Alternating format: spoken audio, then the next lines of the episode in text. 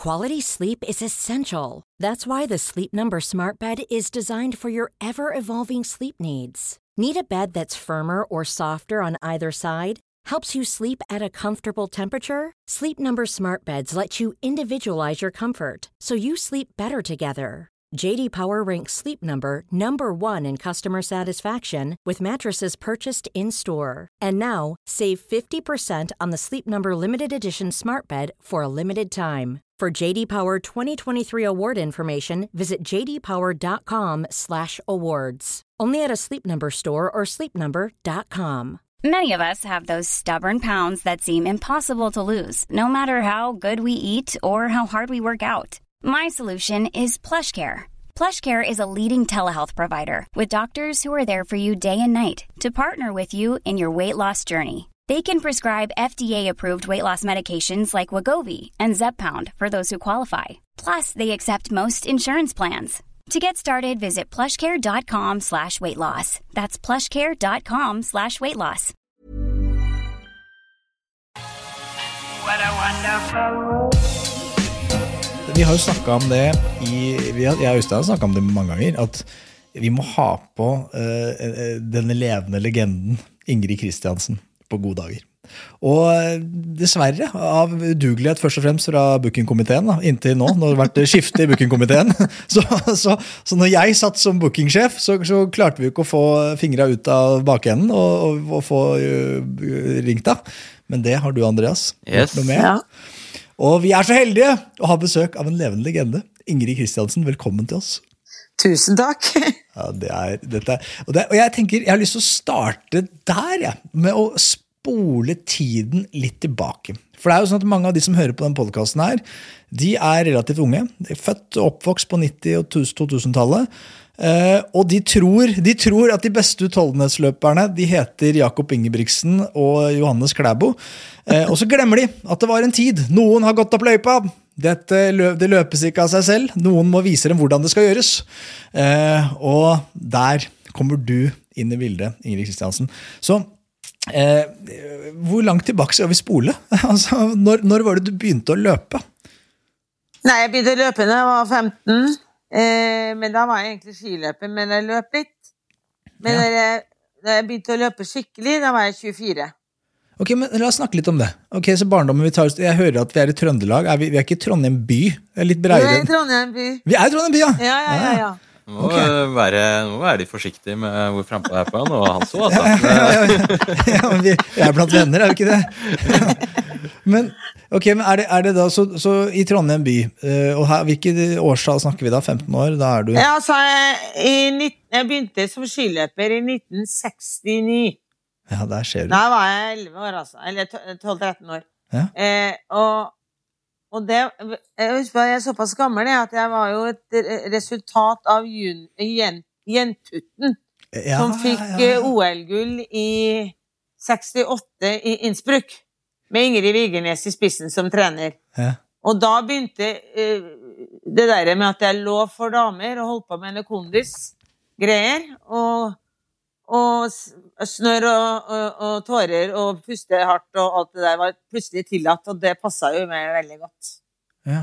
Altså, Fram til da så var det litt uglesett? Liksom? At, at Ja, kvinner, ja, altså, damer, skulle ikke trene? Jenter skulle ikke gå fort på ski, og vi skulle ikke se sliten ut, og det skulle ikke være snørr, og det skulle ikke være noen ting.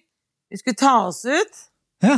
Eh, ja da, det sånn Skulle da. komme og se på og klappe, sånn anstendig.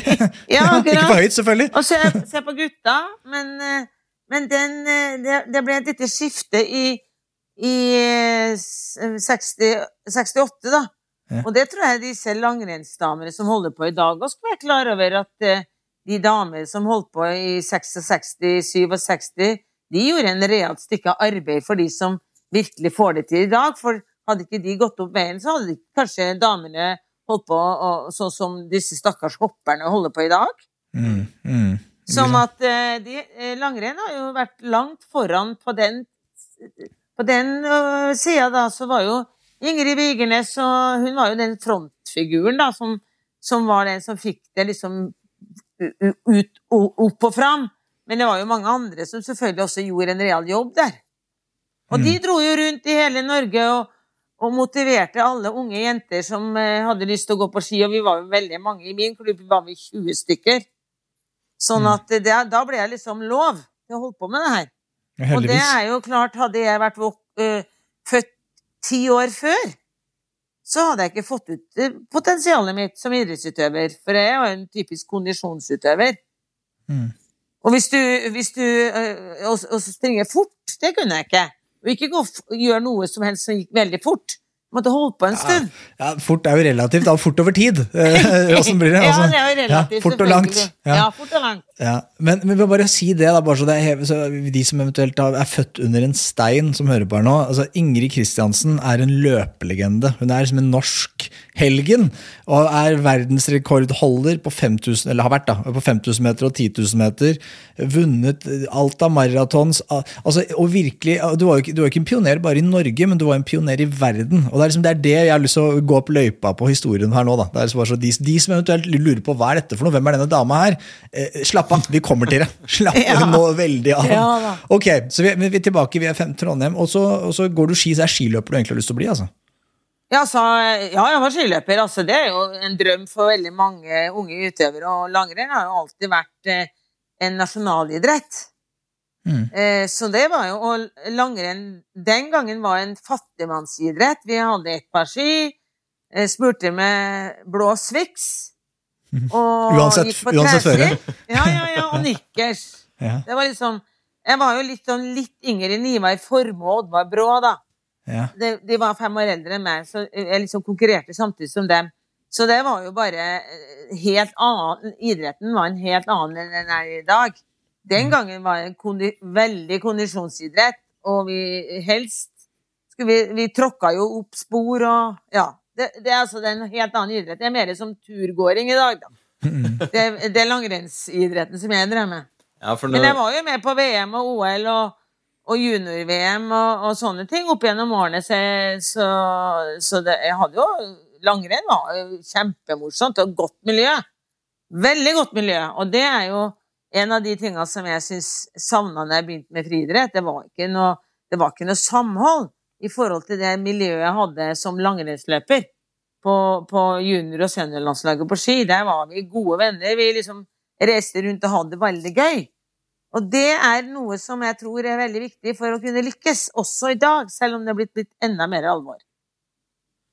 ja, for det er jo blitt fort noe eh, du, Merker du noe forskjell kanskje fra din tid eh, som utøver da til det du ser eh, kanskje Du er jo trener, og det er verdt å nevne da, Hans, at Ingrid trener jo en haug med mosjonister og utøvere som gjør det ganske godt. Eh, ser du noen stor forskjell eh, sånn eh? Nei, altså, det er, mange, det er jo så mange ting som påvirker oss i dag. Altså, masse duppeditter som man må ha, mye man må ha for å liksom holde på med idrett i dag. Og alt det slapp vi å ha. Så vi visste ikke hva alle andre gjorde. Vi hadde veldig klokketro på det, vi sjøl gjorde. Så det tror jeg kanskje kunne være en fordel. Og selvfølgelig en bakdel i perioder, for vi gjorde mange tabber underveis. Men det gjør de i dag òg, selv om de har all verdens muligheter til å vite hva som er riktig og hva som er galt. Det er ikke bare å kopiere Jakob Ingebrigtsen tror man skal bli like god. For det er jo så veldig mange ting som ikke kommer frem noen steder. Altså, det er jo et spesi spesiell eh, Man har sånne veldig spesielle eh, eh, ja, i, i seg, da. Den i- idrettsutøveren som lykkes. Det er ikke bare idretten, men det er liksom hvordan du håndterer livet, hvordan du håndterer media, hvordan du håndterer nederlag, hvordan du jobber deg opp når du har, ikke får det til. At du skal, dette skal bare bli engangsforetagende. Hvis du blir skada. Det er så veldig mange ting. Og de som overlever alt dette her, de vil ofte lykkes til slutt. Det, ser vi jo gang på gang. Er, det også et element av det, dette med individuell tilpasning? At som du sa der, at det som fungerer for Jakob Ingebrigtsen, det fungerer ikke nødvendigvis for en up and coming 15-16-åring som har lyst til å oppnå de samme målene og, og drømmene som Jakob Ingebrigtsen har klart å realisere. For, ikke nødvendigvis fordi de ikke har de samme innsatsviljen og, og er villige til å ofre like mye, men fordi at de trenger de kan bli like gode, men de må ha litt ulik vei dit for å De få må ha litt potensialet andre input. Akkurat. Det er nettopp det. Det er ikke som en kakeoppskrift. Nei, Altså, hvis du får utlevert en kakeoppskrift på uh, daimkake, og du følger oppskriften, så blir den som regel vellykket. Men Mm. det er ikke så enkelt å følge en oppskrift på å bli verdens beste langdistanseløper. Så følger du oppskriften, og så blir, kommer du dit. Det er heldigvis ikke så enkelt. Det, er, det, det skal være litt morsom vei fram. Og noen lykkes, og noen mislykkes. Men sånn er det. Eh, men det er jo ikke bare i idretten, det er vel mange andre steder som, som har det sånn òg. Det er jo noen som blir enere på enkelte andre områder òg, som eh, kanskje ikke hadde de største forutsetninger i sånn når de var yngre, men de har jobba seg fram og så blitt Ja, de får det bare rett og slett til. Det er indre motivasjon, kanskje, som gjør det. Jeg vet Mm. Nei, la, la oss la den henge litt, men uh, tilbake til historien så vi får komme til mål her. Så, så du, du, skal jo da på, du er i begynnelsen av, eller slutten av tenårene. Jeg skal egentlig bli langrennsløper, hører vi. Men, men så vet vi, vi som kjenner historien, vi vet jo at det er jo ikke det du først og fremst uh, har blitt verdenskjent som. da. Så når var det løpinga liksom ble introdusert? Altså, den, den ble faktisk introdusert når jeg var 15 år. Og jeg, da, da var 1500 meter en veldig ny øvelse. Det var første året 1500 meter for damer var den lengste distansen. Og da hadde vi en kjempegod løper i Norge som heter Wenche Sørum. Hun ble skada. Og da var det Grete, Grete Andersen som hun hette. Hun var liksom nummer to. Og så trengte de en til. Og så kom jeg inn, og så gjorde jeg det veldig godt. Jeg sprang rett og slett på kondis. Så kom jeg med på landslaget da, som 15-åring. Men heldigvis så ble jeg ikke løper den gangen. For alle mulige trenere og ledere rundt omkring i Norge hadde jo de hadde klokketro på at her var jeg et kjempetalent som kunne nå langt. Mm. Men jeg syns det var liksom Friidretten syns jeg var litt sær og rar. Sånn at jeg syns det var mye morsommere å være sammen med Berit Kvelde og langrennsløperne i Trøndelag og, og ha det kjempemorsomt på trening og sånn. Ja, hva var rart? Og så valgte jeg å bli, forbli skiløper. Ja. Og så sprang jeg om sommeren. Og så var jeg med på landslaget da, og, og, og, og helt til jeg var ferdig eh, Og det gjorde jeg helt til jeg var ferdigstudert som 24-åring. Og da fikk jeg faktisk et valg av Norges Skiforbund eh, for å få være, fortsette å være på landslaget, altså A-laget på ski for kvinner. At da kunne jeg ikke jobbe. Og da fikk jeg ikke lov til å løpe. Oh, ja. Og så spurte jeg da, hva, hva skal jeg leve av? Mm. Jeg har tatt opp studielån, og jeg må jo jobbe for å kunne overleve her. Eh, og løpe vil jeg jo gjøre om sommeren. Og da bare sa jeg nei takk til A-lagsplassen, så begynte jeg å jobbe. Og da begynte jeg å løpe. Fram og tilbake til jobben. Og så tok det ikke veldig lang tid før jeg faktisk var ganske god til å løpe. Ok, Så jeg jeg sier å løpe er en enkel idrett. ja, men det er mange ting jeg lurer på her. Det første er hva, hva var annerledes og rart med friidrettsmiljøet eh, som du uh, opplevde at var annerledes i skimiljøet? Altså, i Trøn Trøndelag var liksom en dupp i, i friidrettsmiljøet akkurat den perioden da jeg kom opp. Okay. Eh, det, var, det var nok altså, altså, Bare det å måtte dra ned på en bane og ta tida når jeg sprang De skulle til enhver tid vite hvor fort man sprang. Og så skulle man bruke stoppeklokke.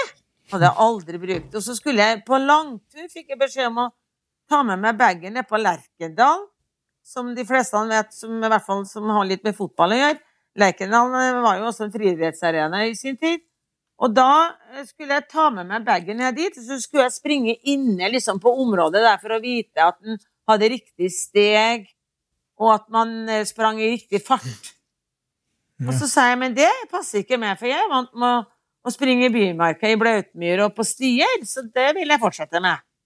Mm. Så, så det var så mye regler jeg fikk eh, tredd over huet som jeg ikke var vant med. Så derfor så ble jeg ikke friidrettsutøver før jeg var 24 år. Og hadde jeg hørt Hadde jeg hatt en litt for ivrig pappa, litt for ivrig trener, eh, så hadde nok antageligvis eh, vi hoppa på. Og da hadde jeg aldri, jeg er ganske overbevist om, at da hadde jeg aldri oppnådd de resultatene jeg oppnådde, fordi da hadde jeg helt sikkert blitt skada. Ja. For at ski, alle som det, det kan jo, Jeg bruker å si når jeg skal prøve å hjelpe folk som er skiløpere, som har lyst til å bli løpere, jeg, da kan du ikke trene så mye. For at når vi løper, så får vi alle slag på beina. Mm. Når vi går på ski, så glir vi. Og når vi sykler, så ruller vi. Mm. Jeg sier ikke at det er noe lettere idrett. Det, det er også mye mer tidkrevende. Løper du, så kan du ikke løpe så mye, for at eh, kroppen din tåler det ikke. Mm. Men når du sykler og går på ski, så bare du får nok mat, så kan du trene veldig mye. Jeg kan skrive under på passer det. passer deg mye bedre å trene litt mindre, da. Ja, men, ja, for det, det der er jo, Nå hopper vi jo rundt her, men det, for det der med, du sier med skader og løping og slag, det tror jeg alle, eh, meg selv, da, som eh, ikke har vært i nærheten av på nivå med noen av dere to eh, som er med meg her, eh, så, så kan jeg i hvert fall Jeg har jo løpt, så det tror jeg alle som hører på, har gjort. Og, og, og det slår, da. Det slår i knær. Det, det, er, Ja. det er ubehagelig på en annen måte enn når du sykler eller går ski. Ja. Eh, og og det er liksom de som blir best, altså som Jakob Ingebrigtsen, han har jo klart å unngå å bli skada. Er det en del av liksom suksessen? Det at han er, ikke, har en genetikk som gjør at han ikke Han blir har helt sikkert en god genetikk. Han har vært heldig med, eh, med foreldrene sine. Og han har vært, trent seg sakte, men sikkert opp. Han elsk, har elska å trene fra han var ni-ti år. Eh, han er veldig indre motivert, og så har han en treningsintelligens som få har, vil jeg påstå. Mm. Sånn at eh, det er nok det unike med han. Hva, hva legger du i treningsintelligens? Det å gjøre de riktige tingene for deg. Altså, han vet at at nok er nok, og at han kan ta i ekstra den dagen kontra den dagen. Og hvis han ikke gidder, så gjør han det ikke. Mens Nei. det som er gjennomgangsmelodien på veldig mange av dem jeg har med trener, på alle nivåer Hvis de får et treningsprogram, så følger de det til punkt og prikke. Og så bruker jeg å si da at jeg har hatt treningsprogram fra min trener Johan Kaggestad, og jeg tror jeg aldri i løpet av alle de årene jeg jobba med Johan, fulgte treningsprogrammet til punkt og prikke. Hmm. For dette passa ikke alltid, for av og til så så man ikke nok. Av og til så hadde jeg lyst til å springe litt lengre, av og til hadde jeg lyst til å springe litt fortere. Men vi diskuterte jo da jeg, eh, hva, hva, er- hva jeg syntes var riktig, og så kom vi frem til en løsning. Så et program fra en trener er en ramme som utøveren kan være med å diskutere med treneren sin. Og det er det jeg prøver, i hvert fall med de jeg jobber med, å prøve å gjøre meg selv overflødig. Det er sikkert ikke så veldig smart hvis du tenker økonomi, men, men det er faktisk en av de viktigste øh, rollene til en trener, syns jeg, da. Ja, det her er jo musikk i mine ører, Ingrid. Som eh, du Vi har jo Både jeg og sønnen din har jo delt eh, samme trener eh, for eh, noen Ja. år tilbake, og det ble jo alltid en eh, sånn eh, Det var alltid en del diskusjoner, da, rundt ja. For det var viktig å tilpasse litt. Det er jo sånn små ting som eh, enkelt rett og slett som søvn, eller at man uh, er litt Vært på eh, fest, kanskje? ja, fest. fest. Vært litt nedfor. Uh, Ja, ja, ja. Nei, men altså, det er jo det, det å ta den individuelle tilpasningen, det var alltid min fanesak som Mm. utøver sjøl, at man må tørre å ta Stille spørsmål. Ja, stille spørsmål, være nysgjerrig. Og i Mm. den gangen du stopper å være nysgjerrig for å lete etter liksom, marginer, eller prøve å lære deg selv å kjenne, hvis noen andre da tvinger en eller annen plan over huet ditt, da, da det dreper jo alt av motivasjon og Ja. utvikling, tenker jeg, da. Jeg er helt enig. Altså, det er i hvert fall den erfaringen. Men jeg var jo ikke sånn i starten heller, da. Men jeg lærte jo meg etter hvert, og når jeg begynte å jobbe, eh, og da jeg fikk barn og skulle prøve å hevde meg i verdenstoppen, så ble det jo ekstra ille, for at, eh, da var det ikke så veldig mange som hadde gjort det samme før meg. Så det var veldig lite referanse på de tingene der. Og da husker jeg at jeg diskuterte med Johan, og jeg hadde klare mål, og jeg skulle bli verdens beste løper, og så satte jo vi opp et eh, rammeprogram på det der, og så greide jo jeg aldri å følge det. Så sier jeg, jeg husker han sa ja, Ingrid, da må vi bare legge lista litt lavere. Og så, det som var veldig morsomt da, det var at det, at det slo jo gjennom akkurat da. Alt gikk jo Mm. veldig bra. Så da skjønte jo han, og lærte jo liksom litt av å, å trene med, at det, det var veldig mye som, som kunne skje med en utøver hvis den kunne være med å få bestemme litt selv, og ikke bare peise på, altså. Mm. Men det, det dere sier der, er jo det er sånn knivsegg, det her. ikke sant? For jeg antar at 99,9% av verdens befolkning, hvis de skal kjenne etter om de gidder og har litt motivasjon, Ja, ja, ja. så vil de la være å trene. ikke sant? Og, og, og jeg tror sannsynligvis 99,9% av tilfellene så burde de trene. ikke sant? Men, men så snakker vi her om en elitenivå da, med utøvere som overhodet ikke har trøbbel med motivasjonen. Og kanskje snarere tvert imot. De har trøbbel i motsatt fall, at de er livredde for ikke å trene nok, og de ser på alle rundt seg, de blir stressa, man blir usikker. Og jeg føler kanskje det er en sånn, Vi har snakka om det før i den podkasten her, sånn Petter Northug øh, Du har noen sånne som også Øystein har jo nevnt det, han var på samling med Petter Northug, og alle andre gutta på laget de fulgte treningsprogrammet og møtte opp og sto opp og gjorde på. og Plutselig Petter Northug, bare plutselig var han ikke der. Han, han, han var sliten. Han måtte, I dag måtte han bare ligge på hotellrommet. Og Øystein så har jo sagt at han ble jo liksom De ble nærmest litt sånn provosert og irritert, for de andre gutta var sånn Vi andre stiller opp, liksom, han bare ligger der. Men så har han, har han tenkt i ettertid at det, det, var, det var jo det som var genialiteten Petter Northug.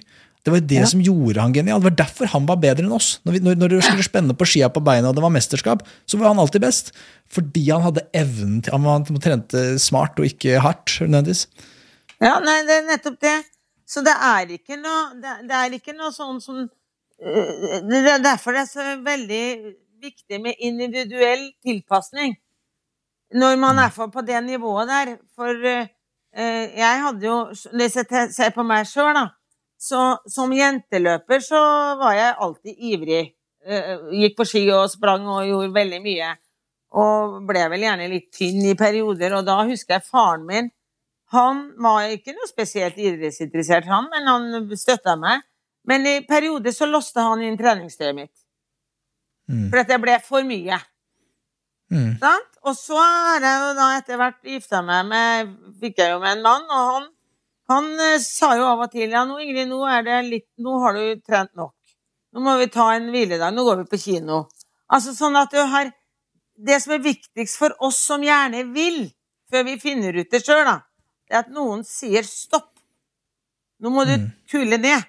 For dette er ikke veldig mange ganger man vil Man kuler ned helt men det, det, det, en som vil veldig mye, gjør helst litt for mye, som regel. Det er vel mer gjennomgangsmelodien enn å gjøre for lite. Mm. Burde Øystein vært der og prate? Han har jo trent seg inn på sykehus to ganger. Ja, ja, ja, tok, tok, tok, tok to ganger før han lærte. Jeg tror han har lært det nå, da, håper jeg. Eh, Men eh, Jo, men han fikk jo gode resultater, han, da. Men, men det er klart at eh, viljen er litt for sterk, vet du, for du er så motivert. Men så Mm. er det noen da som kanskje, hvis du ikke greier det selv, må si det til deg. At hør nå her, nå er du liksom, ser jo helt bleik og tufs ut, og du er blitt så irritert, og, og et eller annet eh, det, det er jo mange måter vi reagerer på når, når vi er liksom over, over toppen. Sånn at eh, da er det veldig greit at hvis du ikke ser det selv, at det er noen som sier det til deg. Om det er treneren din, om det er en samboer eller eh, ektefelle eller eh, noen andre, det spiller ikke noen rolle, men det, da skal man lytte på dem, for de vil deg vel. Og det er også min jobb som trener. Jeg sier, det er veldig mange ganger jeg sier at nå kan du ta en hviledag eller hvileøkt. Og det sier jeg, du kan godt ringe meg når som helst, så skal jeg si det eh, for deg, at i dag har du lov til å ta fri. For det er veldig mange som ikke greier det. Vi må tilbake i historien her. Vi, du, du er 24 år, og du skal satse på løping fordi Skiforbundet ikke lar deg gjøre begge deler. Eh, du nevner jo Johan Kaggestad, som er en personlig superhelt eh, for meg også. som er glad, altså Jeg, jeg altså setter en mann så høyt.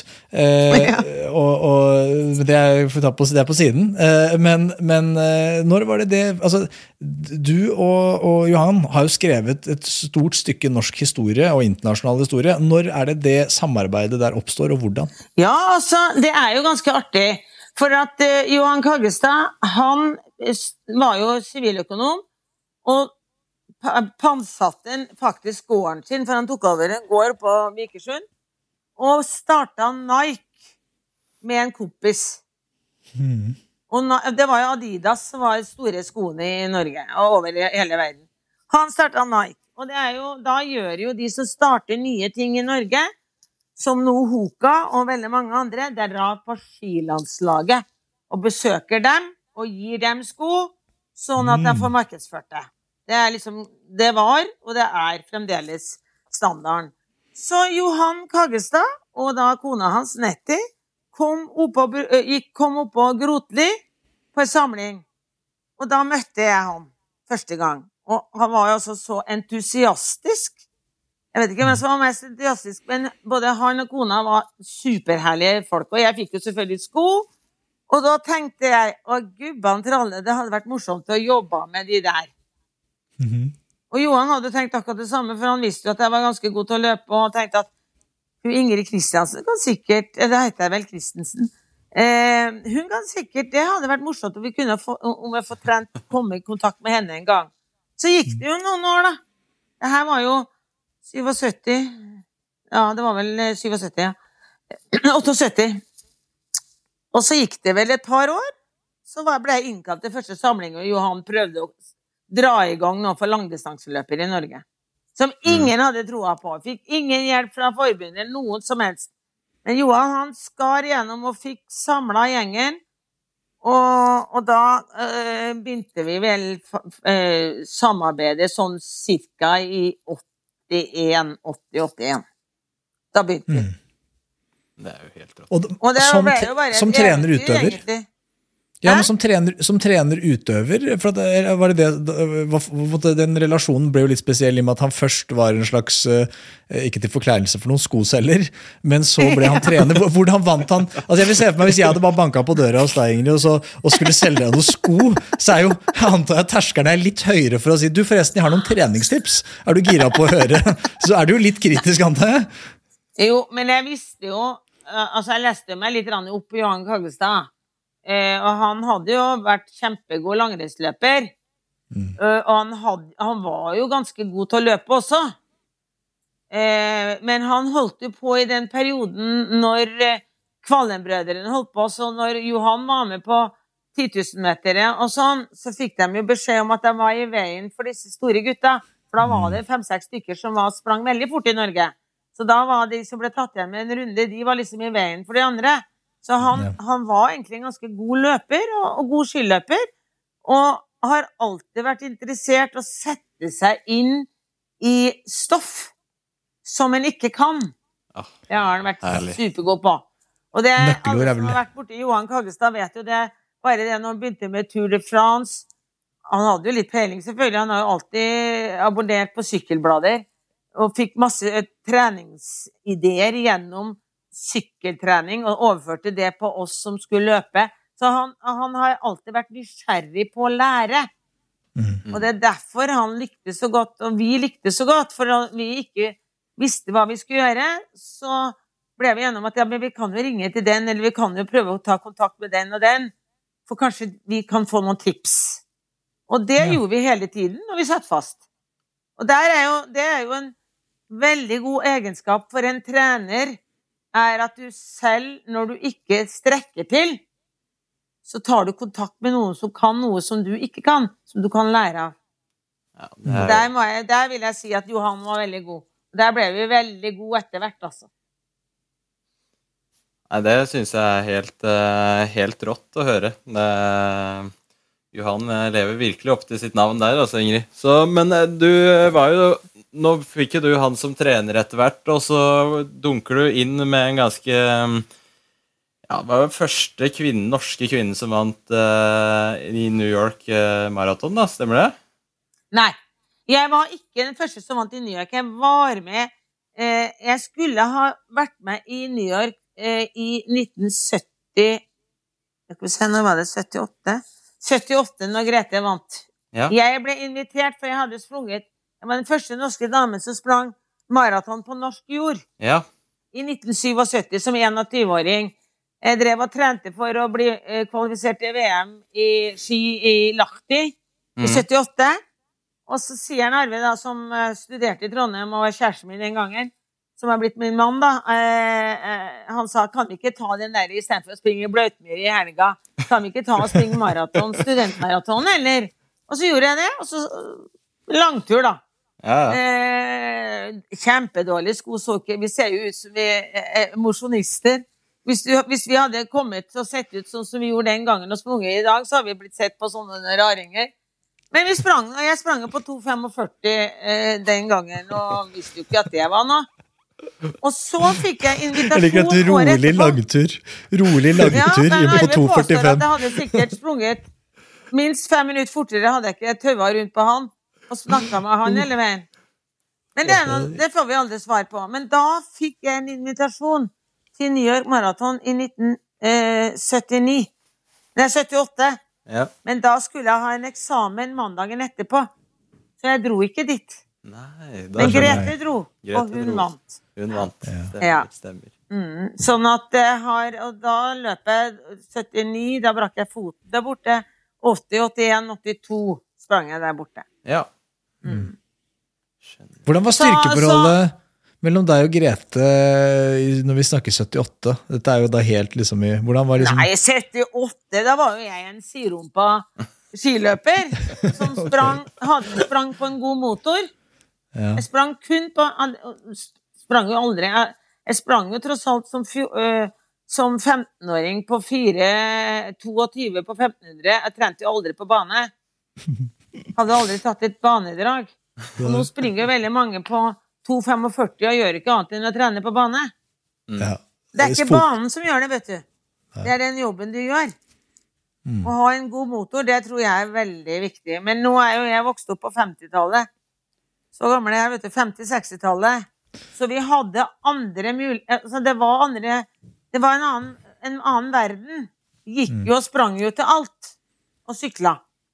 Nå blir jo de fleste eh, barn kjørt til alt, og da mister de jo veldig mye av den hva skal jeg kalle det, treninga som vi fikk sånn bevegelses... Bare Vi beveger oss mye mer. Mm. Fikk veldig mye gratis trening, da. Som vi ikke noterte opp som trening. Så det var jo også noe Johan ofte sa, at hadde du skrevet ned alt det du har gjort, Ingrid, så vil du Det blir så mange tusen timer at du du vil bli mørkredd. Men, sånn, Så det er jo noe med det. men eh, Ingrid, når var det du følte at uh, samarbeidet med Johan begynte å bære ordentlige frukter sånn uh, resultatmessig? da? Var det, tok det rett uh, av gårde, eller tok det litt Det- grann det- tid? Det, nei, det gikk jo ganske fort. I 1980 så var det 81-80, det var VM i, på 3000 meter. Det var 3400 meter hekk. Det var en sånn ukurant før VM i friidrett starta i 1981. Eh, da, da ble jeg nummer tre, tre der, så da tenkte jeg at det her kan jo gå greit. Og i 1982 da fikk jeg tredjeplass i, i, i første EM i maraton for kvinner, da. I den klassiske Aten. Og da begynte vi å ha, få trua på at oi, dette kom til å gå topp. Og så skulle jeg satse på å, å, å være med på det første verdensmesterskapet i friidrett. Og så vinne den maratondistansen. Ja. Men det som da skjedde det året, var at jeg ble gravid, så jeg fikk komme aldri til den starten. Jeg kom aldri til den starten, men jeg trente jo mye hele tida. Men så måtte jeg bare måtte jeg bare gjøre om eh, planene mine. Og det var jo en, eh, noe som heller ikke var så eh, vanlig den gangen. Da, at ei dame som da var eh, 27 år og var gravid, og så påstår at du skulle komme tilbake og bli verdens beste løper etter det, det var jo ingen som hadde tro på. Nei. Absolutt ingen. Det var tre, fire stykker som trodde på det. Og det var Johan Kaggestad, kona til Johan, min mann og meg sjøl. Det holder, det. Ja, det holder. Men du fikk ikke akkurat mye hjelp, altså. Jeg sprang rundt barnevogna, og da bodde vi i Stavanger og hadde en mann som jobba ja, 100 veldig, Han var nesten aldri hjemme, i hvert fall. Så det var ganske krevende å, å forberede seg til det OL-et, faktisk. Men det gikk jo, da. Det gikk jo ganske greit. Ja, ja, de gjorde, jo det. Men ble Nei, men det gikk jo ikke så bra da, som jeg hadde håpa på. Jeg hadde jo håpa på å vinne hele den der greia, men det greide jeg ikke. Nei, nei, men, men, det er gøy der du sier dette med, med graviditet og, og sånn, og det, det er også, som du sier, du var en pioner på det.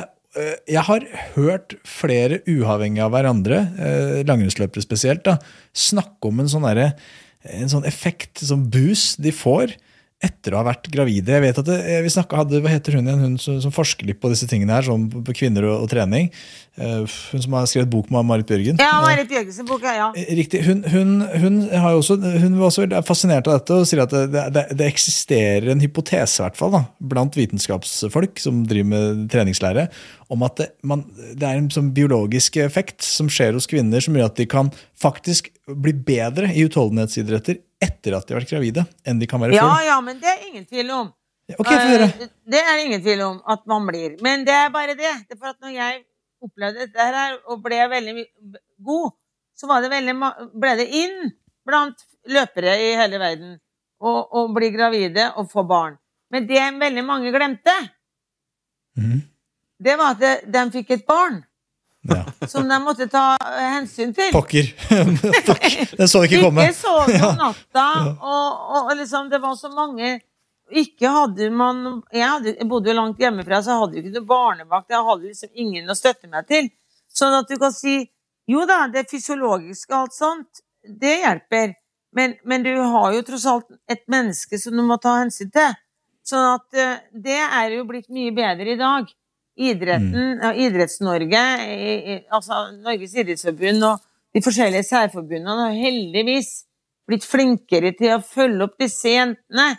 For jeg, jeg gikk jo, det gikk jo en liten F i meg den gangen at jeg oppdaga at jeg var gravid. Så tenkte jeg søren, nå ryker det VM-et.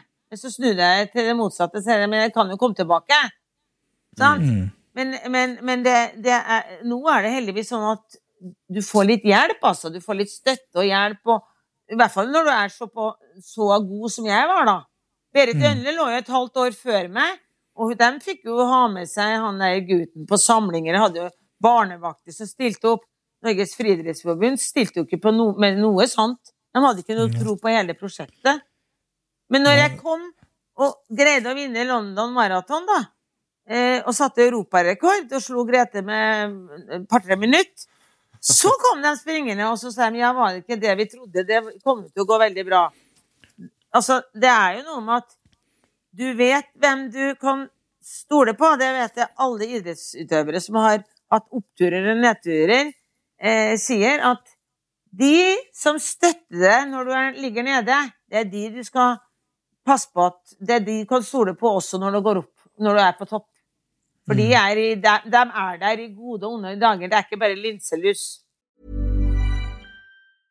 Cool fact a crocodile can't stick out its tongue. Also, you can get health insurance for a month or just under a year in some states. United Healthcare short term insurance plans, underwritten by Golden Rule Insurance Company, offer flexible, budget friendly coverage for you. Learn more at uh1.com. Quality sleep is essential. That's why the Sleep Number Smart Bed is designed for your ever evolving sleep needs. Need a bed that's firmer or softer on either side? Helps you sleep at a comfortable temperature? Sleep Number Smart Beds let you individualize your comfort so you sleep better together. JD Power ranks Sleep Number number 1 in customer satisfaction with mattresses purchased in-store. And now, save 50% on the Sleep Number limited edition Smart Bed for a limited time. For JD Power 2023 award information, visit jdpower.com/awards. Only at a Sleep Number store or sleepnumber.com. Det er fascinerende at du sier det. Vi har hatt Gjert også på podkasten her. og eh, jeg sitter med en følelse, i hvert fall, etter samtalen med Gjert, at han også føler litt at eh, det prosjektet de dreiv med i Stavanger, det var liksom ikke Norges friidrettsforbund interessert i å høre om. og Det er liksom, nei, det, og, det var liksom null støtte, null support. Ok, Ja. Dere får lykke til, dere får dure med det surret deres på egen hånd. Men i det sekundet det ble resultater, i det sekundet de begynte å vinne, og ikke bare én bror, og det tøyt ut brødre Tre som stykker vin- som- vinner og vinner og vinner. Alt som er. Så er det plutselig veldig ja, men Skal ikke dere være med oss og ha med flagget på lua? og Skal ikke dere være med og fronte oss litt? liksom Det er veldig ålreit for oss. Eh, og det er liksom sånn Det er synd da, at, man, at, at det er sånn. At man, det, det virker som det er en kultur her som eh, da har sittet i de veggene siden 80-tallet. Hvis det Ja, stemmer, jeg da. tror det. Jeg har nok sittet i veggene, og, og, og det er litt sånn Jeg vet, jeg vet ikke hvorfor. Eh, hvorfor det er sånn, men, eh, men jeg bestemte meg i hvert fall at jeg ikke skulle bry meg om det. Jeg skulle ha klokketro på det jeg sjøl holdt på med, og da skulle vi få til de resultatene vi var på jakt etter. Altså. Mm. Det er viktig å ha troa på og ikke høre for mye på alle mulige som kommer med en sånne innspill. Nei, Det har altså, vært min et, filosofi. men, men det er først nå da i karrieren hvor, det, altså sånn, hvor du, du virkelig tar inn de mest liksom, profilerte resultatene dine, er det ikke det? Ja, ja, en liten eh, Altså, det begynte i, i 84, da ble jeg med fire OL, da, men da hadde jeg en gutt på ett år. Og så i 95 satte jeg verdensrekord i, i maraton.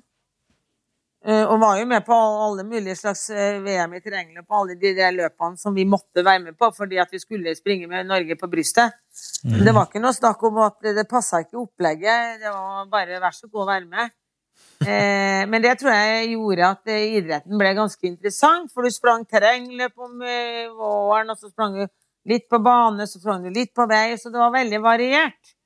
Og det har jeg veldig troa på. At du, du bør ikke bare gå all in for én ting. Nå, nå skal det sies at jeg har ikke peiling på 800 meter og kortere løp på, i friidrett. 1500 meter oppover kaller jeg langdistanse. Ja. Sånn bare så at det er sagt at eh, hvis det kommer noen og skal ha hjelp fra meg på 800 meter løp, så sier jeg beklager, det kan jeg ingenting om. Det kan jeg ikke hjelpe deg med. Men hvis du går opp til 1500 meter, så blir det noe annet. Eh, nei da, så det, det 85 var et veldig fint år, og 86 var kronåret mitt.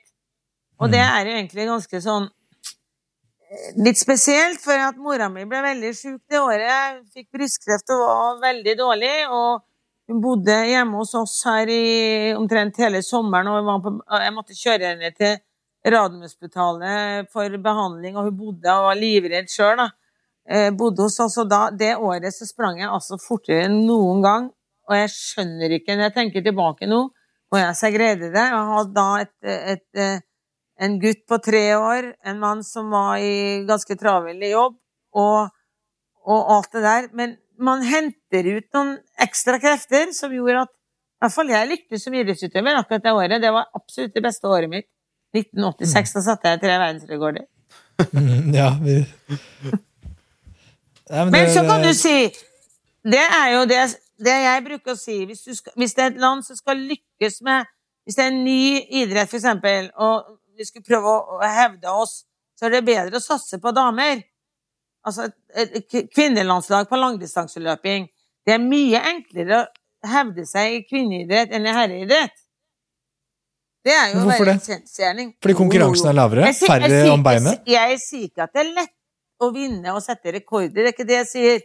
Men, men det er lettere, for at for det første så, øh, så er det færre damer som er med, har vært opp gjennom årene. Nå øh, blir det heldigvis bedre. Og så er det noen gang sånn at øh, i herreklassen, for eksempel mellom første og tiendeplass i en herre, et herreløp, det er sikkert på sykkel, det er sikkert andre steder òg, så er det kanskje på et herreløp så er det kanskje ett minutt, og det er ti utøvere. Mm. I dameklassen så kan det være ett og et halvt minutt fra første til andreplass. I hvert fall i en del av de idrettene, altså lange løp som jeg har vært med på. Så det er dessverre sånn. Men samtidig så krever det selvfølgelig litt for å, bli uh, så god. Uh, og det som eh, Jeg trodde jo hele tida at jeg skulle greie å ta mine egne rekorder, men jeg greide jo aldri, jeg greide jo aldri å oppnå de målene jeg hadde satt meg. Jeg har jo enda de lappene liggende i skuffa som, som jeg hang foran tredemølla mi, som jeg så på hver gang jeg trente. Det var 29,55 på, tre- på 10 000 og 1,1940 på maraton. Nei, 2,19. Ja, to hopper jeg. Jeg håper det er to. Ja. Ja, og det, det greide jeg aldri å oppnå. Dessverre. Nei. Men eh, jeg har mange spørsmål til det der. Det første du tok opp der, er jo dette med eh, kvinner versus menn og, og, og graden av konkurranse. Eh, og du har, du har helt rett i det du sier. Eh, altså, det, det, er ikke noe, eh, det, er ikke noe kontroversielt. Det er bare å lese resultatlistene. I all Ja. O2-idrett, om det er langrenn eller sykkel eller, eller løping, så ser mm. vi at det er, et, det er mye gap mellom, mellom Altså mye høyere, større gap mellom de beste enn det er på herresiden. Og mm. det betyr jo at det er lavere grad av konkurranse. Bare facts, liksom. Det må vi kunne si uten at Ja, noen skal ja, er halshugge oss. klart. Ja. Men det spørsmålet mitt er like fullt da hvorfor? Er, er det, er det te fravær av testosteron? Er det som er at menn er bare generelt mer kompetitive? Eller er det kulturen i samfunnet vårt som er Jeg tror jo kulturen Kulturen i samfunnet tror jeg litt. Altså, jeg var en en raring og en særing altså, da jeg gikk på ungdomsskolen og på videregående. Ja, jeg var det. Jeg var faktisk det, altså. Vi var en liten gjeng som drev og sprang og, og gikk på ski og sånn. Men de fleste drev jo ikke med det. De var jo interessert i helt andre ting. Men men, når jeg treffer, men når jeg treffer de folka som gikk i klassen min og sånn nå Vi treffes ganske med jevne mellomrom. Mm. Og da har de, sier de jo til stadighet at du var smart, Ingrid, som gjorde det som, som Du var indre motivert til å gjøre det som var riktig for deg. Vi andre gikk i takt med hverandre. Mm. Og der er nok jentene litt mer utsatt enn gutta, tror jeg. At eh, du er Jenter generelt er litt redde for å stikke seg ut og være annerledes. Mm. Ja, der sa du noe det, smart. det tror jeg ligger litt i. Du, der sa du, det, det, det der må vi bare si igjen. Altså det der at du turte og, og det er jo mot det, det handler om. Du turte å lytte til deg i ung alder, lytte til deg selv og gjøre det som du var indre motivert og du kjente var riktig for deg å gjøre. En, en sånn flamme jeg tror alle kjenner på, men de færreste har mot til å gjøre. Og da gjør vi heller, som du sa, elegant, vi går i takt med hverandre. For det, det, På kort sikt er det alltid mest behagelig, for du slipper stygge blikk. Du slipper at folk sier 'hva er Ja, du ja, med?' ja. Du slipper spørsmål fra foreldre, du slipper spørsmål fra omgivelsene i det hele tatt. Du må ikke forsvare noen ting. Meg, hva, mener du? Ikke pek på meg, jeg bare går i takt med han og hun og alle. Og, og det, der, det der tror jeg man skal merke seg noe innmari. det du sier der. Og det jeg tror, eh, og det, du har helt rett, det, det som jeg har tenkt selv, nå blir det sånn uh, på siden her, men sånn som noe av det jeg beundrer aller mest med en utøver som f.eks. Johannes Klæbo, uh, det er jo, altså, vi ser bort ifra alt han fysisk og liksom, alt han får til resultatene hans, men det faktum at han altså, når jeg var 19 år altså, jeg, hadde, jeg, jeg, jeg har sagt til deg, Andreas, som jeg er imponert over med deg, det som du har hatt, som jeg ikke hadde. Det er det der, Som 19-åring jeg drev og spilte dataspill og surra rundt. Jeg, jeg, var, ikke, jeg, jeg var sjanseløs. Altså, jeg, jeg, jeg var ikke i nærheten. Altså, jeg, jeg, mange ganger Hadde jeg hatt det hodet jeg har på kroppen i dag, som ikke er noe bedre enn andres hoder, tror jeg, men jeg, modenheten jeg har i dag, da, hadde jeg hatt Ja. den da jeg var 19, jeg hadde jo vært dødelig på en helt annen måte enn jeg var. Eh, og det tror jeg er en sånn, en sånn fellesnevner på de som har fått til store ting, ikke bare i idrett, men det er veldig synlig idrett, det er at de har et voksent hode, på hvert fall en del områder, på en ganske ung og sprek kropp. Og det er en dødelig kombo. Altså. Jo da, det, det, det er sant. Og, og jeg holdt jo på i en periode, jeg var jo på to landslag. Eh, men vi fikk ikke, og gikk på Trondheims best eh, konservative videregående skole. Vi fikk ikke bruke én gymtime til egentrening. Så all treninga måtte jeg jo da gjøre på rulleski før jeg gikk på skolen. Eller rulleski hjem fra skolen, eller springe i marka øh, tidlig om morgenen, eller sent til ettermiddagen. Så vi fikk ikke så veldig mye gratis, så det jeg vil egentlig, Derfor så syns jeg det er veldig fint at det legges til rette i dag. Men det kan kanskje ha gått litt for mye den andre veien nå. At det blir lagt sånn til rette at man slipper å organisere seg. Og det sa jeg til min egen sønn da han var syklist. At du verden, du er heldig, du som alt blir lagt til rette, så dere får gjort lekser og alt uten at du må organisere det. Så det er jo veldig fint sånn sett, men vi, det kan være at vi mister noen på veien da òg. For det blir så Hva skal jeg si? Ja, men vi får ikke til det. Vi får- har ikke tid. Ja, men det har jo veldig mye tid. Hvor mye, mange, mye, mange timer bruker du på Instagram eller på Facebook eller på Snapchat? Jo da, det er mange timer. Det, den, der hadde ikke vi, vet du, så du slapp å bruke tida på det.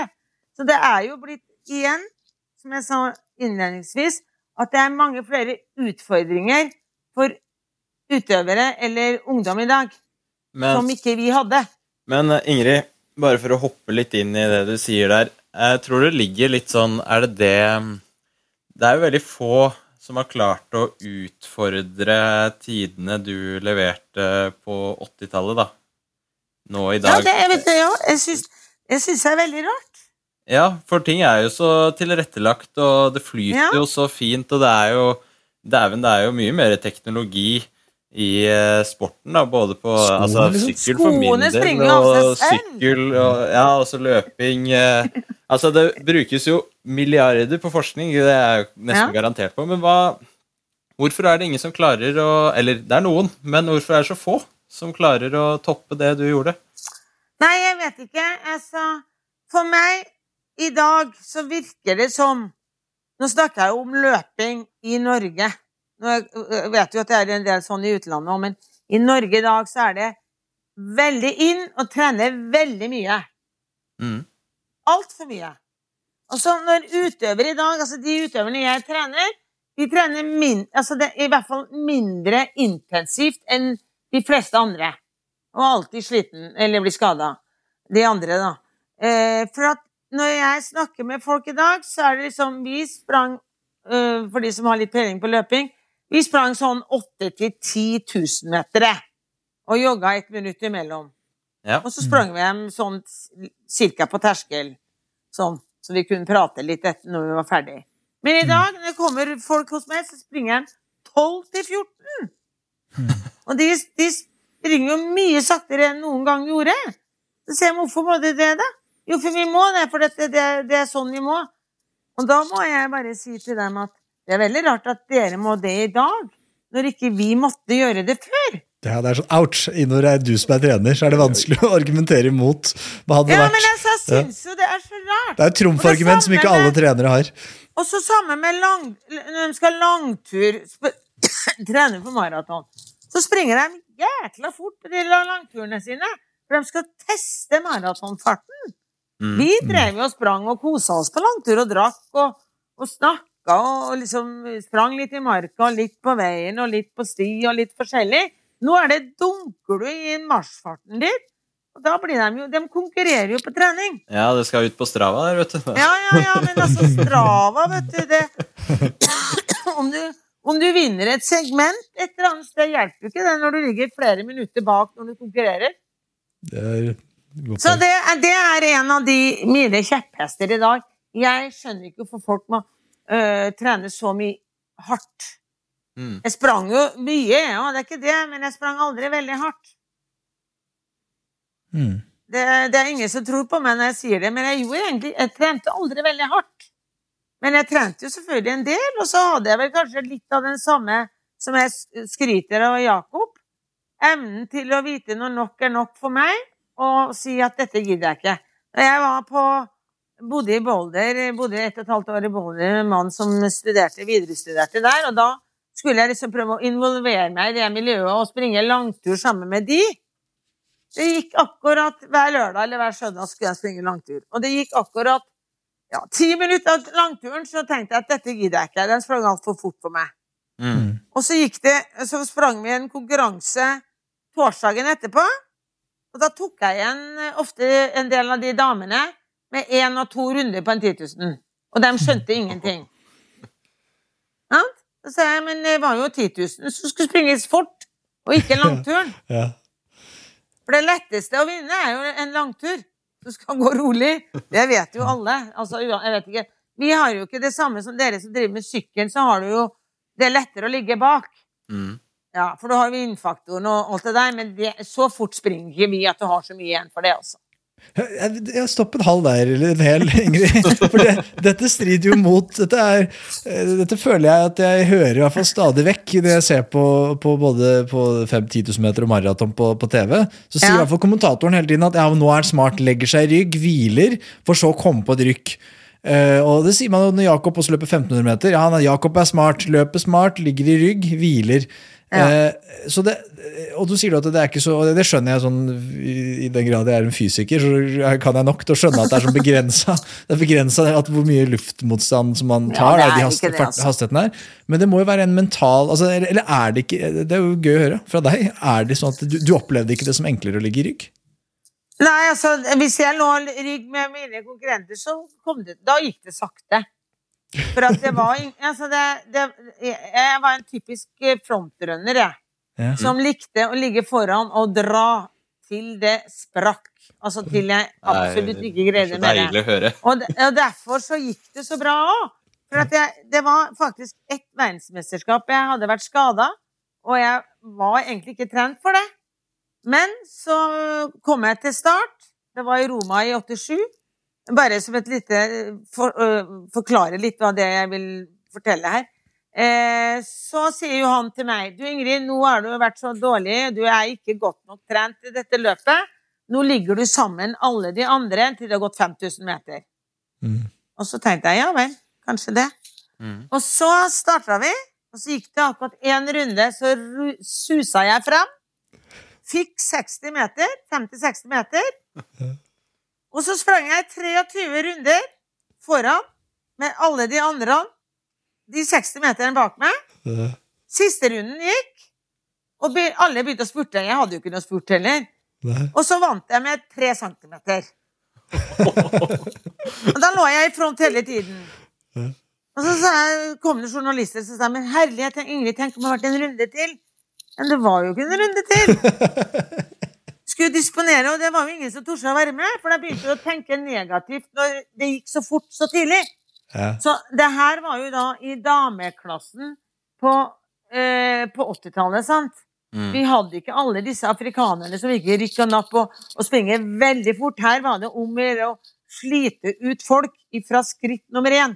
Så Mm. derfor gikk jeg i front og sprang foran. Uten harer. Det var ikke lov til å ha harer den gangen.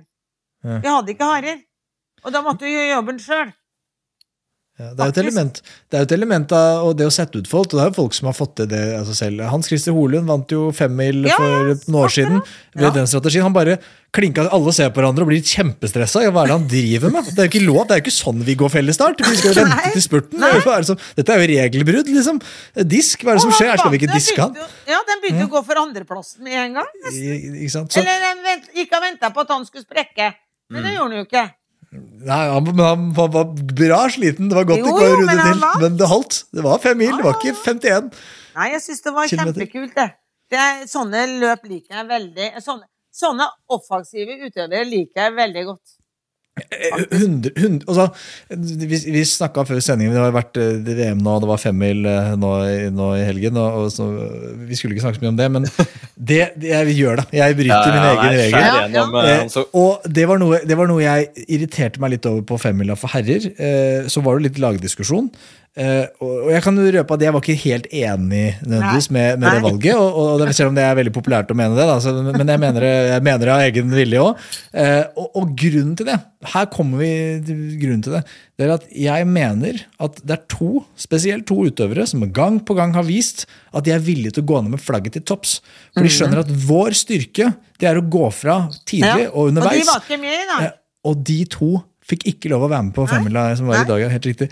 Og da Eh, og, hadde- og vi ble ja, jeg tror det løpet hadde hatt en helt annen dynamikk og sett helt annerledes ut. Eh, Helt annerledes. Superverdig vinner, da. Jeg så Pål Ja, Gullberg ja, er hyll- det. hyller Ja, det ja, ja. og kjemper på bare sånn Å, det, jeg, jeg blir ordentlig. Jeg, jeg, jeg, ikke ofte jeg står og liksom jubler og skriker. Det var veldig morsomt, det var veldig morsomt, men løpet hadde nok blitt et helt annet. Hadde disse døre, o, virkelig os, ostholsnapperne vært med, og da hadde vel han finske gjort det bedre òg. For da hadde det vært mye skal- større fart i feltet ganske tidlig. Nå er det viktig da, Ingrid, å bare smette inn der at Hanso er jo Du finner jo ingen større Pål Golberg-fan i hele, i hele Norge, tror jeg. Nei, men det var veldig hyggelig. Og så, jeg mener, det syns jeg også. Han har, jo, han har jo en litt annet liv også. Han har jo et ganske heftig liv med, med familie, to unger, og så Nachspiel-gitarist. Hæ? Han er, en nachspiel-gitarist på masse Ja, nei, nachspiel. men altså, en interessant type, da. Det er Ja, jo veldig gøy. Han er veldig Ja, fin. syns du det er morsomt? Ja, absolutt. Vi, vi får jo nærmere oss jo tampen her, da, men hvis man skal skal runde av med noe visdomsord, så hvis du som har, eh, har gjort, gjort det, hvis det er en måte å si det på, eh, så er det jo for unge, både jenter og gutter, da, men som sitter hjemme og hører på, hva er liksom, Hvis det er ett par råd som du skal komme med de, har, de har lyst til å lykkes i idrett, behøver ikke nødvendigvis være bare Otto, da, men det er ski eller løping eller whatever det er. Hva, hvordan skal de angripe dette her? Kanskje de har foreldre som ikke eh, nødvendigvis er, har den kompetansen du har, da, og kanskje ikke de har det umiddelbart nær seg. Eh, hva, hva bør de gjøre? Ja. Det er, det er jo et veldig vanskelig spørsmål. Jeg hadde jo foreldre som ikke var spesielt interessert i idrett. Ja, som vi var tur. Det var tur. Det var tur. Så vi var Mm. veldig mye ute og bevega oss. Og hvis du hvis, nå, nå må jeg Det er jo egentlig altså, tekniske øvelser, som eksempel fotball. Jo mer du spil, spiller fotball, jo mer, mer du øver det, jo bedre blir du. Så eh, mitt, eh, mitt motto er jo liksom litt sånn som eh, En av forbildene mine er egentlig Pippi Langstrømp. For det hun sier, er at 'Å, det har jeg aldri prøvd, men det får jeg sikkert til'. Og det er liksom litt sånn at oi, og hvis du syns at det ser kult ut å gå på, på ski, eksempel, eller løpe, så start i det små og ha det gøy. Ikke bli for alvorlig for tidlig. Ikke noe spesialisering for tidlig. For når jeg forteller at jeg begynte å løpe litt seriøst da jeg var 24 år, og da jobba jeg også full dag, så ser jo folk bare rart på meg. Jøss, hva? Mm. Ja. Det gikk an før, og jeg tror det går an i dag. Mm. For at løping er en veldig enkel idrett. For sykling er jo verre, for da har du utstyret. Mm. Altså du må ha sykkel og alt det der, Det er som er forholdsvis kostbart. Og på ski så er det jo blitt en vitenskap. Du må ha en mamma eller en pappa som kan smøre skiene for at du kan hevde deg i ung alder. Men på løping så er det egentlig ikke så veldig mye annet enn deg sjøl som er, eh, eh, som er eh, det som trengs. Og så må du ha det gøy og springe ute og, og, og synes det er morsomt å bevege seg i marka. Og der er det en annen en som ikke har noe med denne idretten å gjøre, men eh, Jan Magnus Riiber. Han, er jo, så han, han er vokst opp rett oppi nede i gata her hos meg. Uh, og han har jo elsker å bevege seg. Lenge alene i marka. Og det har han gjort helt siden han var en guttungen. Så, og det har gitt gode resultater. Sant? Så, så du må på en måte like det du holder på med. Du kan ikke begynne med noe du ikke syns er gøy, for at da tror jeg det blir veldig kortvarig. Altså. Det tror jeg er viktigste faktoren, egentlig. Og så om du ikke har venner som driver på med det, det er ofte der, vet du. Ja, man er med på fotball fordi at kompisen er der. Mm. Og så er du helt talentløs der. Jeg har et par Ja, ja, ja. som, som har vært helt talentløse på fotball, men begge to han har holdt på litt med fotball. Den ene sprang jo hele tiden, men han var jo helt meningsløst dum med ballen. Ja. Og han eldste, han, han hadde ikke samsyn, så han så jo aldri ballen. Men han var med. Sånn at det er jo liksom Ikke vær med fordi, for at du får nye venner i Mm. det valget du gjør. Og det var det jeg gjorde. Jeg tenkte at ja, de venninnene jeg har, de driver ikke med dette. Men hvis jeg driver med det jeg liker å holde på med, så får jeg nye venner. Og Som de blir jo noe som, som er noe som jeg kan bruke på min vei oppover, for da blir samme interessen. Så, Mm. så det tror jeg er litt viktig, altså at man ikke igjen går i takt eh, med den kompisen eller den venninna som du tilfeldigvis går i klasse med, eller bor i samme gata som. Mm. Det, der er, det der er altså de beste visdomsordene fra den podkasten her. Det er å ikke bli en person som bare går i takt med nabolaget ditt og, og omgivelsene dine. Det, er faen meg- det må man ikke glemme, altså. Ja, men det Eh, er lett å gjøre det, for det er veldig lettvint, vet du. Det er trygt. Det er det. Det er Ja, det er trygt. Utrolig trygt. Jeg, jeg, jeg sa at vi skulle gå inn for landing på podkasten her, og jeg, jeg, jeg kom på en ting som jeg bare har lyst til å ta. Uh, litt heavy tema, bare fyre inn helt på tampen her, da. Men det handler om dette med kosthold. Eh, Ja. Og spesielt på kvinneidrett og, og sånn eh, vektbærende idrett, så har vi jo sett en debatt, og den debatten her går jo med jevne mellomrom, så blusser den opp igjen. Ja. Eh, og det er en veldig viktig debatt, og det er et problem som er, det er jo litt gress for meg, og sikkert Andreas, kanskje Andreas, for deg er det kanskje mer fra sykkel? For det, Ja, så du har jeg kjenner litt- jo litt i det fra før av. Men ja, Ja. fortsett, altså. Ja, nei, så Spørsmålet mitt Ingrid, er jo liksom hva, hvordan Du driver en vektbærende idrett. Jeg vil tro at langdistanseløping for kvinner er vel noe av de mest utsatte idrettene det er. Når du kommer til å bare gå ned lite grann. For at det, hvert gram du slipper å drasse på i, gjennom eh, New York Marathon, Ja, ja. det er jo på en måte eh, noen gram spart. Og så sier du også det der med at et beste råd er å ha det gøy, ikke bli seriøs for tidlig. Så jeg antar, når du var på topp, at dette var noe du tenkte på. Altså, akkurat det, altså, når jeg var jentungen, 14-15-16 år, så var jeg for lett, for jeg satt aldri i ro. Jeg var nesten, Kanskje jeg hadde en, en snev av ADHD, ikke vet jeg. Eh, men så, i løpet av Når jeg var 17 Fra 16 til 17 så gikk jeg opp 10 kilo. Og da sprang jeg, og da gikk jeg på ski. Og det er klart at du går opp 10 kilo og er vant med å springe fort, så Ja. går det ganske sakte. Men da er det viktig.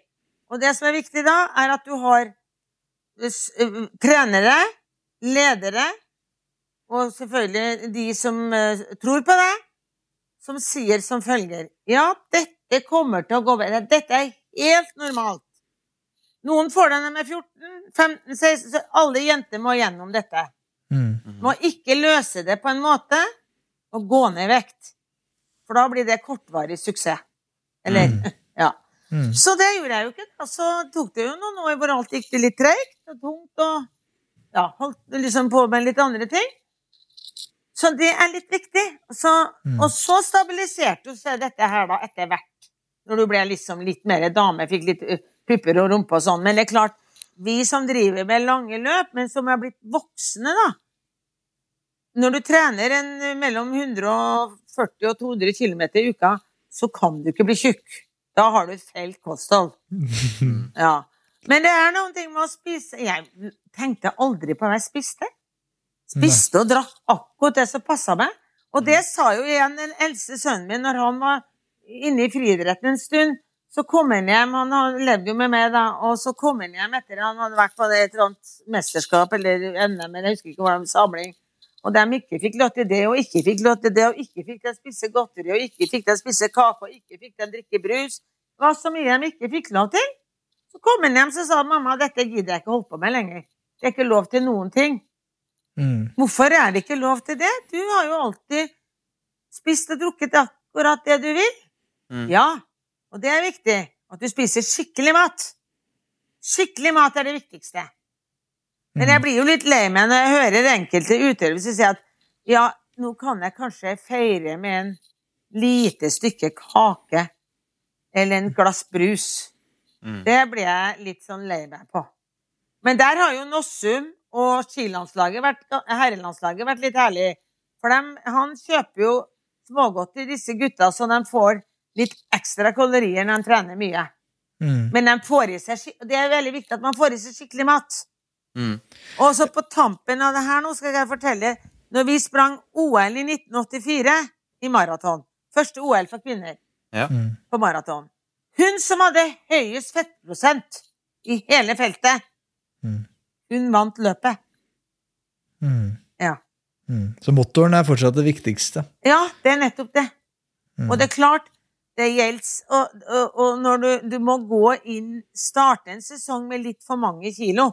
For når du går inn i en heavy sesong, så mister man en del kilo fordi at man har mye nerver, får ikke i seg nok mat til enhver tid. Så man suser litt ned i løpet av den Nå har jo vi i friidrett flere sesonger, eller flere sånne bolker, så da er det liksom å ta en hvileskjær midt på sommeren hvor du spiser deg opp litt igjen, og så Ja. er du Så det er litt viktig det der, altså at du hvis, det, hvis, når, hvis de som jeg trener, som plutselig får trøtthetsbrudd Da tenkte jeg hjelpe meg! Hvorfor får man trøtthetsbrudd?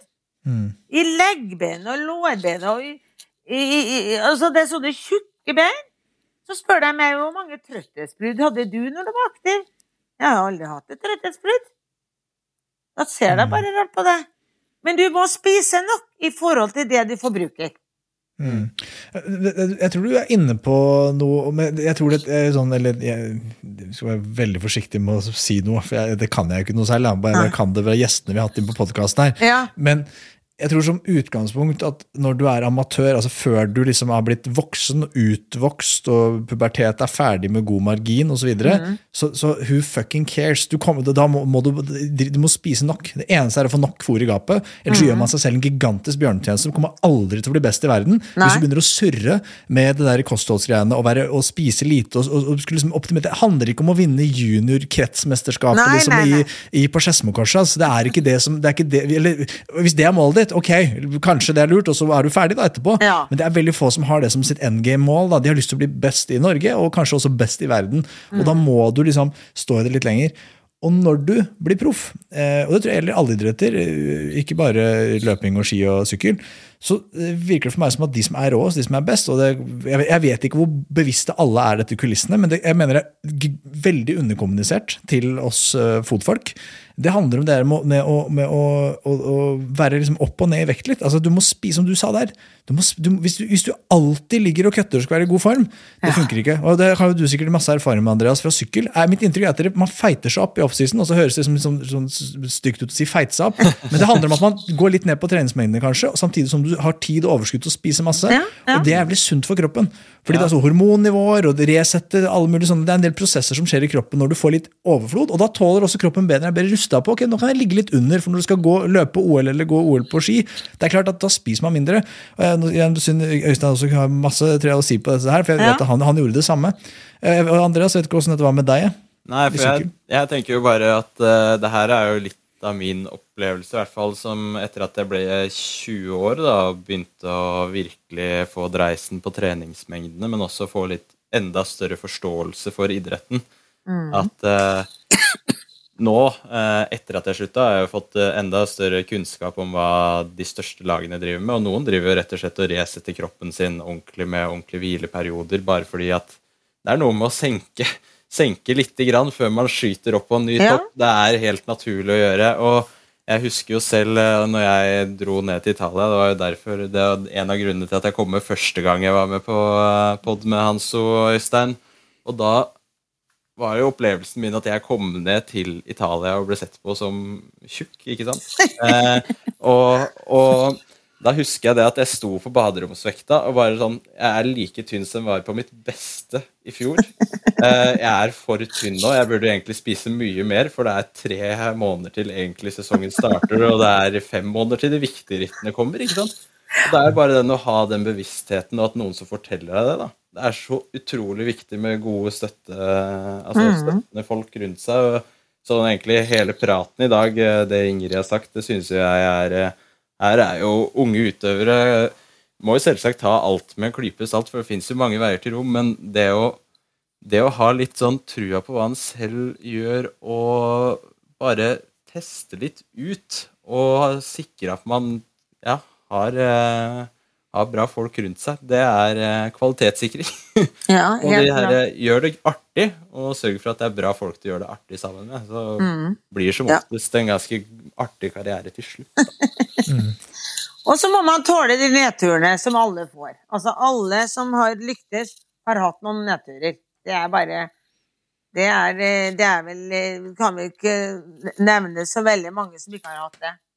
Nei, og de aller råeste, det er de som har stått i det og kommet tilbake. Det er ingenting uh, som vi fans uh, elsker mer heller enn de som har det litt tungt. Og, altså Marit, Marit Bjørgen, liksom, hun, hun er jo liksom uh, og jeg tror, Hun hadde vært stor uansett, selvfølgelig, men, men hadde det ikke vært for at hun hun var liksom menneskelig litt. da. Og Vi har snakka om det i podkasten her, og noe av det som jeg tror eh, Og det er liksom urettferdig å bruke mot Johannes Klæbo, men han er litt umenneskelig til nå. Ja. Og, det, og, det, og det gjør liksom at han ikke helt har den samme standingen eh, per dags dato, hvert fall, da, som sånn en Marit Bjørgen og en eh, Petter Northug og en Bjørn Dæhlie eh, i skisporten da, har.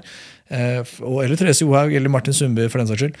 Eh, og så er det urettferdig, for du kan ikke si at fordi du ikke har, har- fordi du ikke har surra det til litt og, og hatt en dårlig sesong, så, så, så Men, eh, men, eh, men, men. Vet du hva, Vi kunne sitte og preika i evigheter, folkens. Dette har vært kjempehyggelig. Jeg har satt veldig pris på det. Ingrid, tusen hjertelig takk for at du tok deg tiden til å titte innom. Og så håper vi at vi kanskje kan få deg på igjen en gang i framtida. Tusen takk for at vi kom med. Ja, det var en eh, sann glede, Ingrid. Det, det kan nok hende at uh, møtebookeren eh, ringer igjen. Ja, ja, ja. Nå som vi har fått fart på det. Det er bra. Folkens, nyt eh, kvelden videre, så høres vi. Ha det fint. Ha det bra.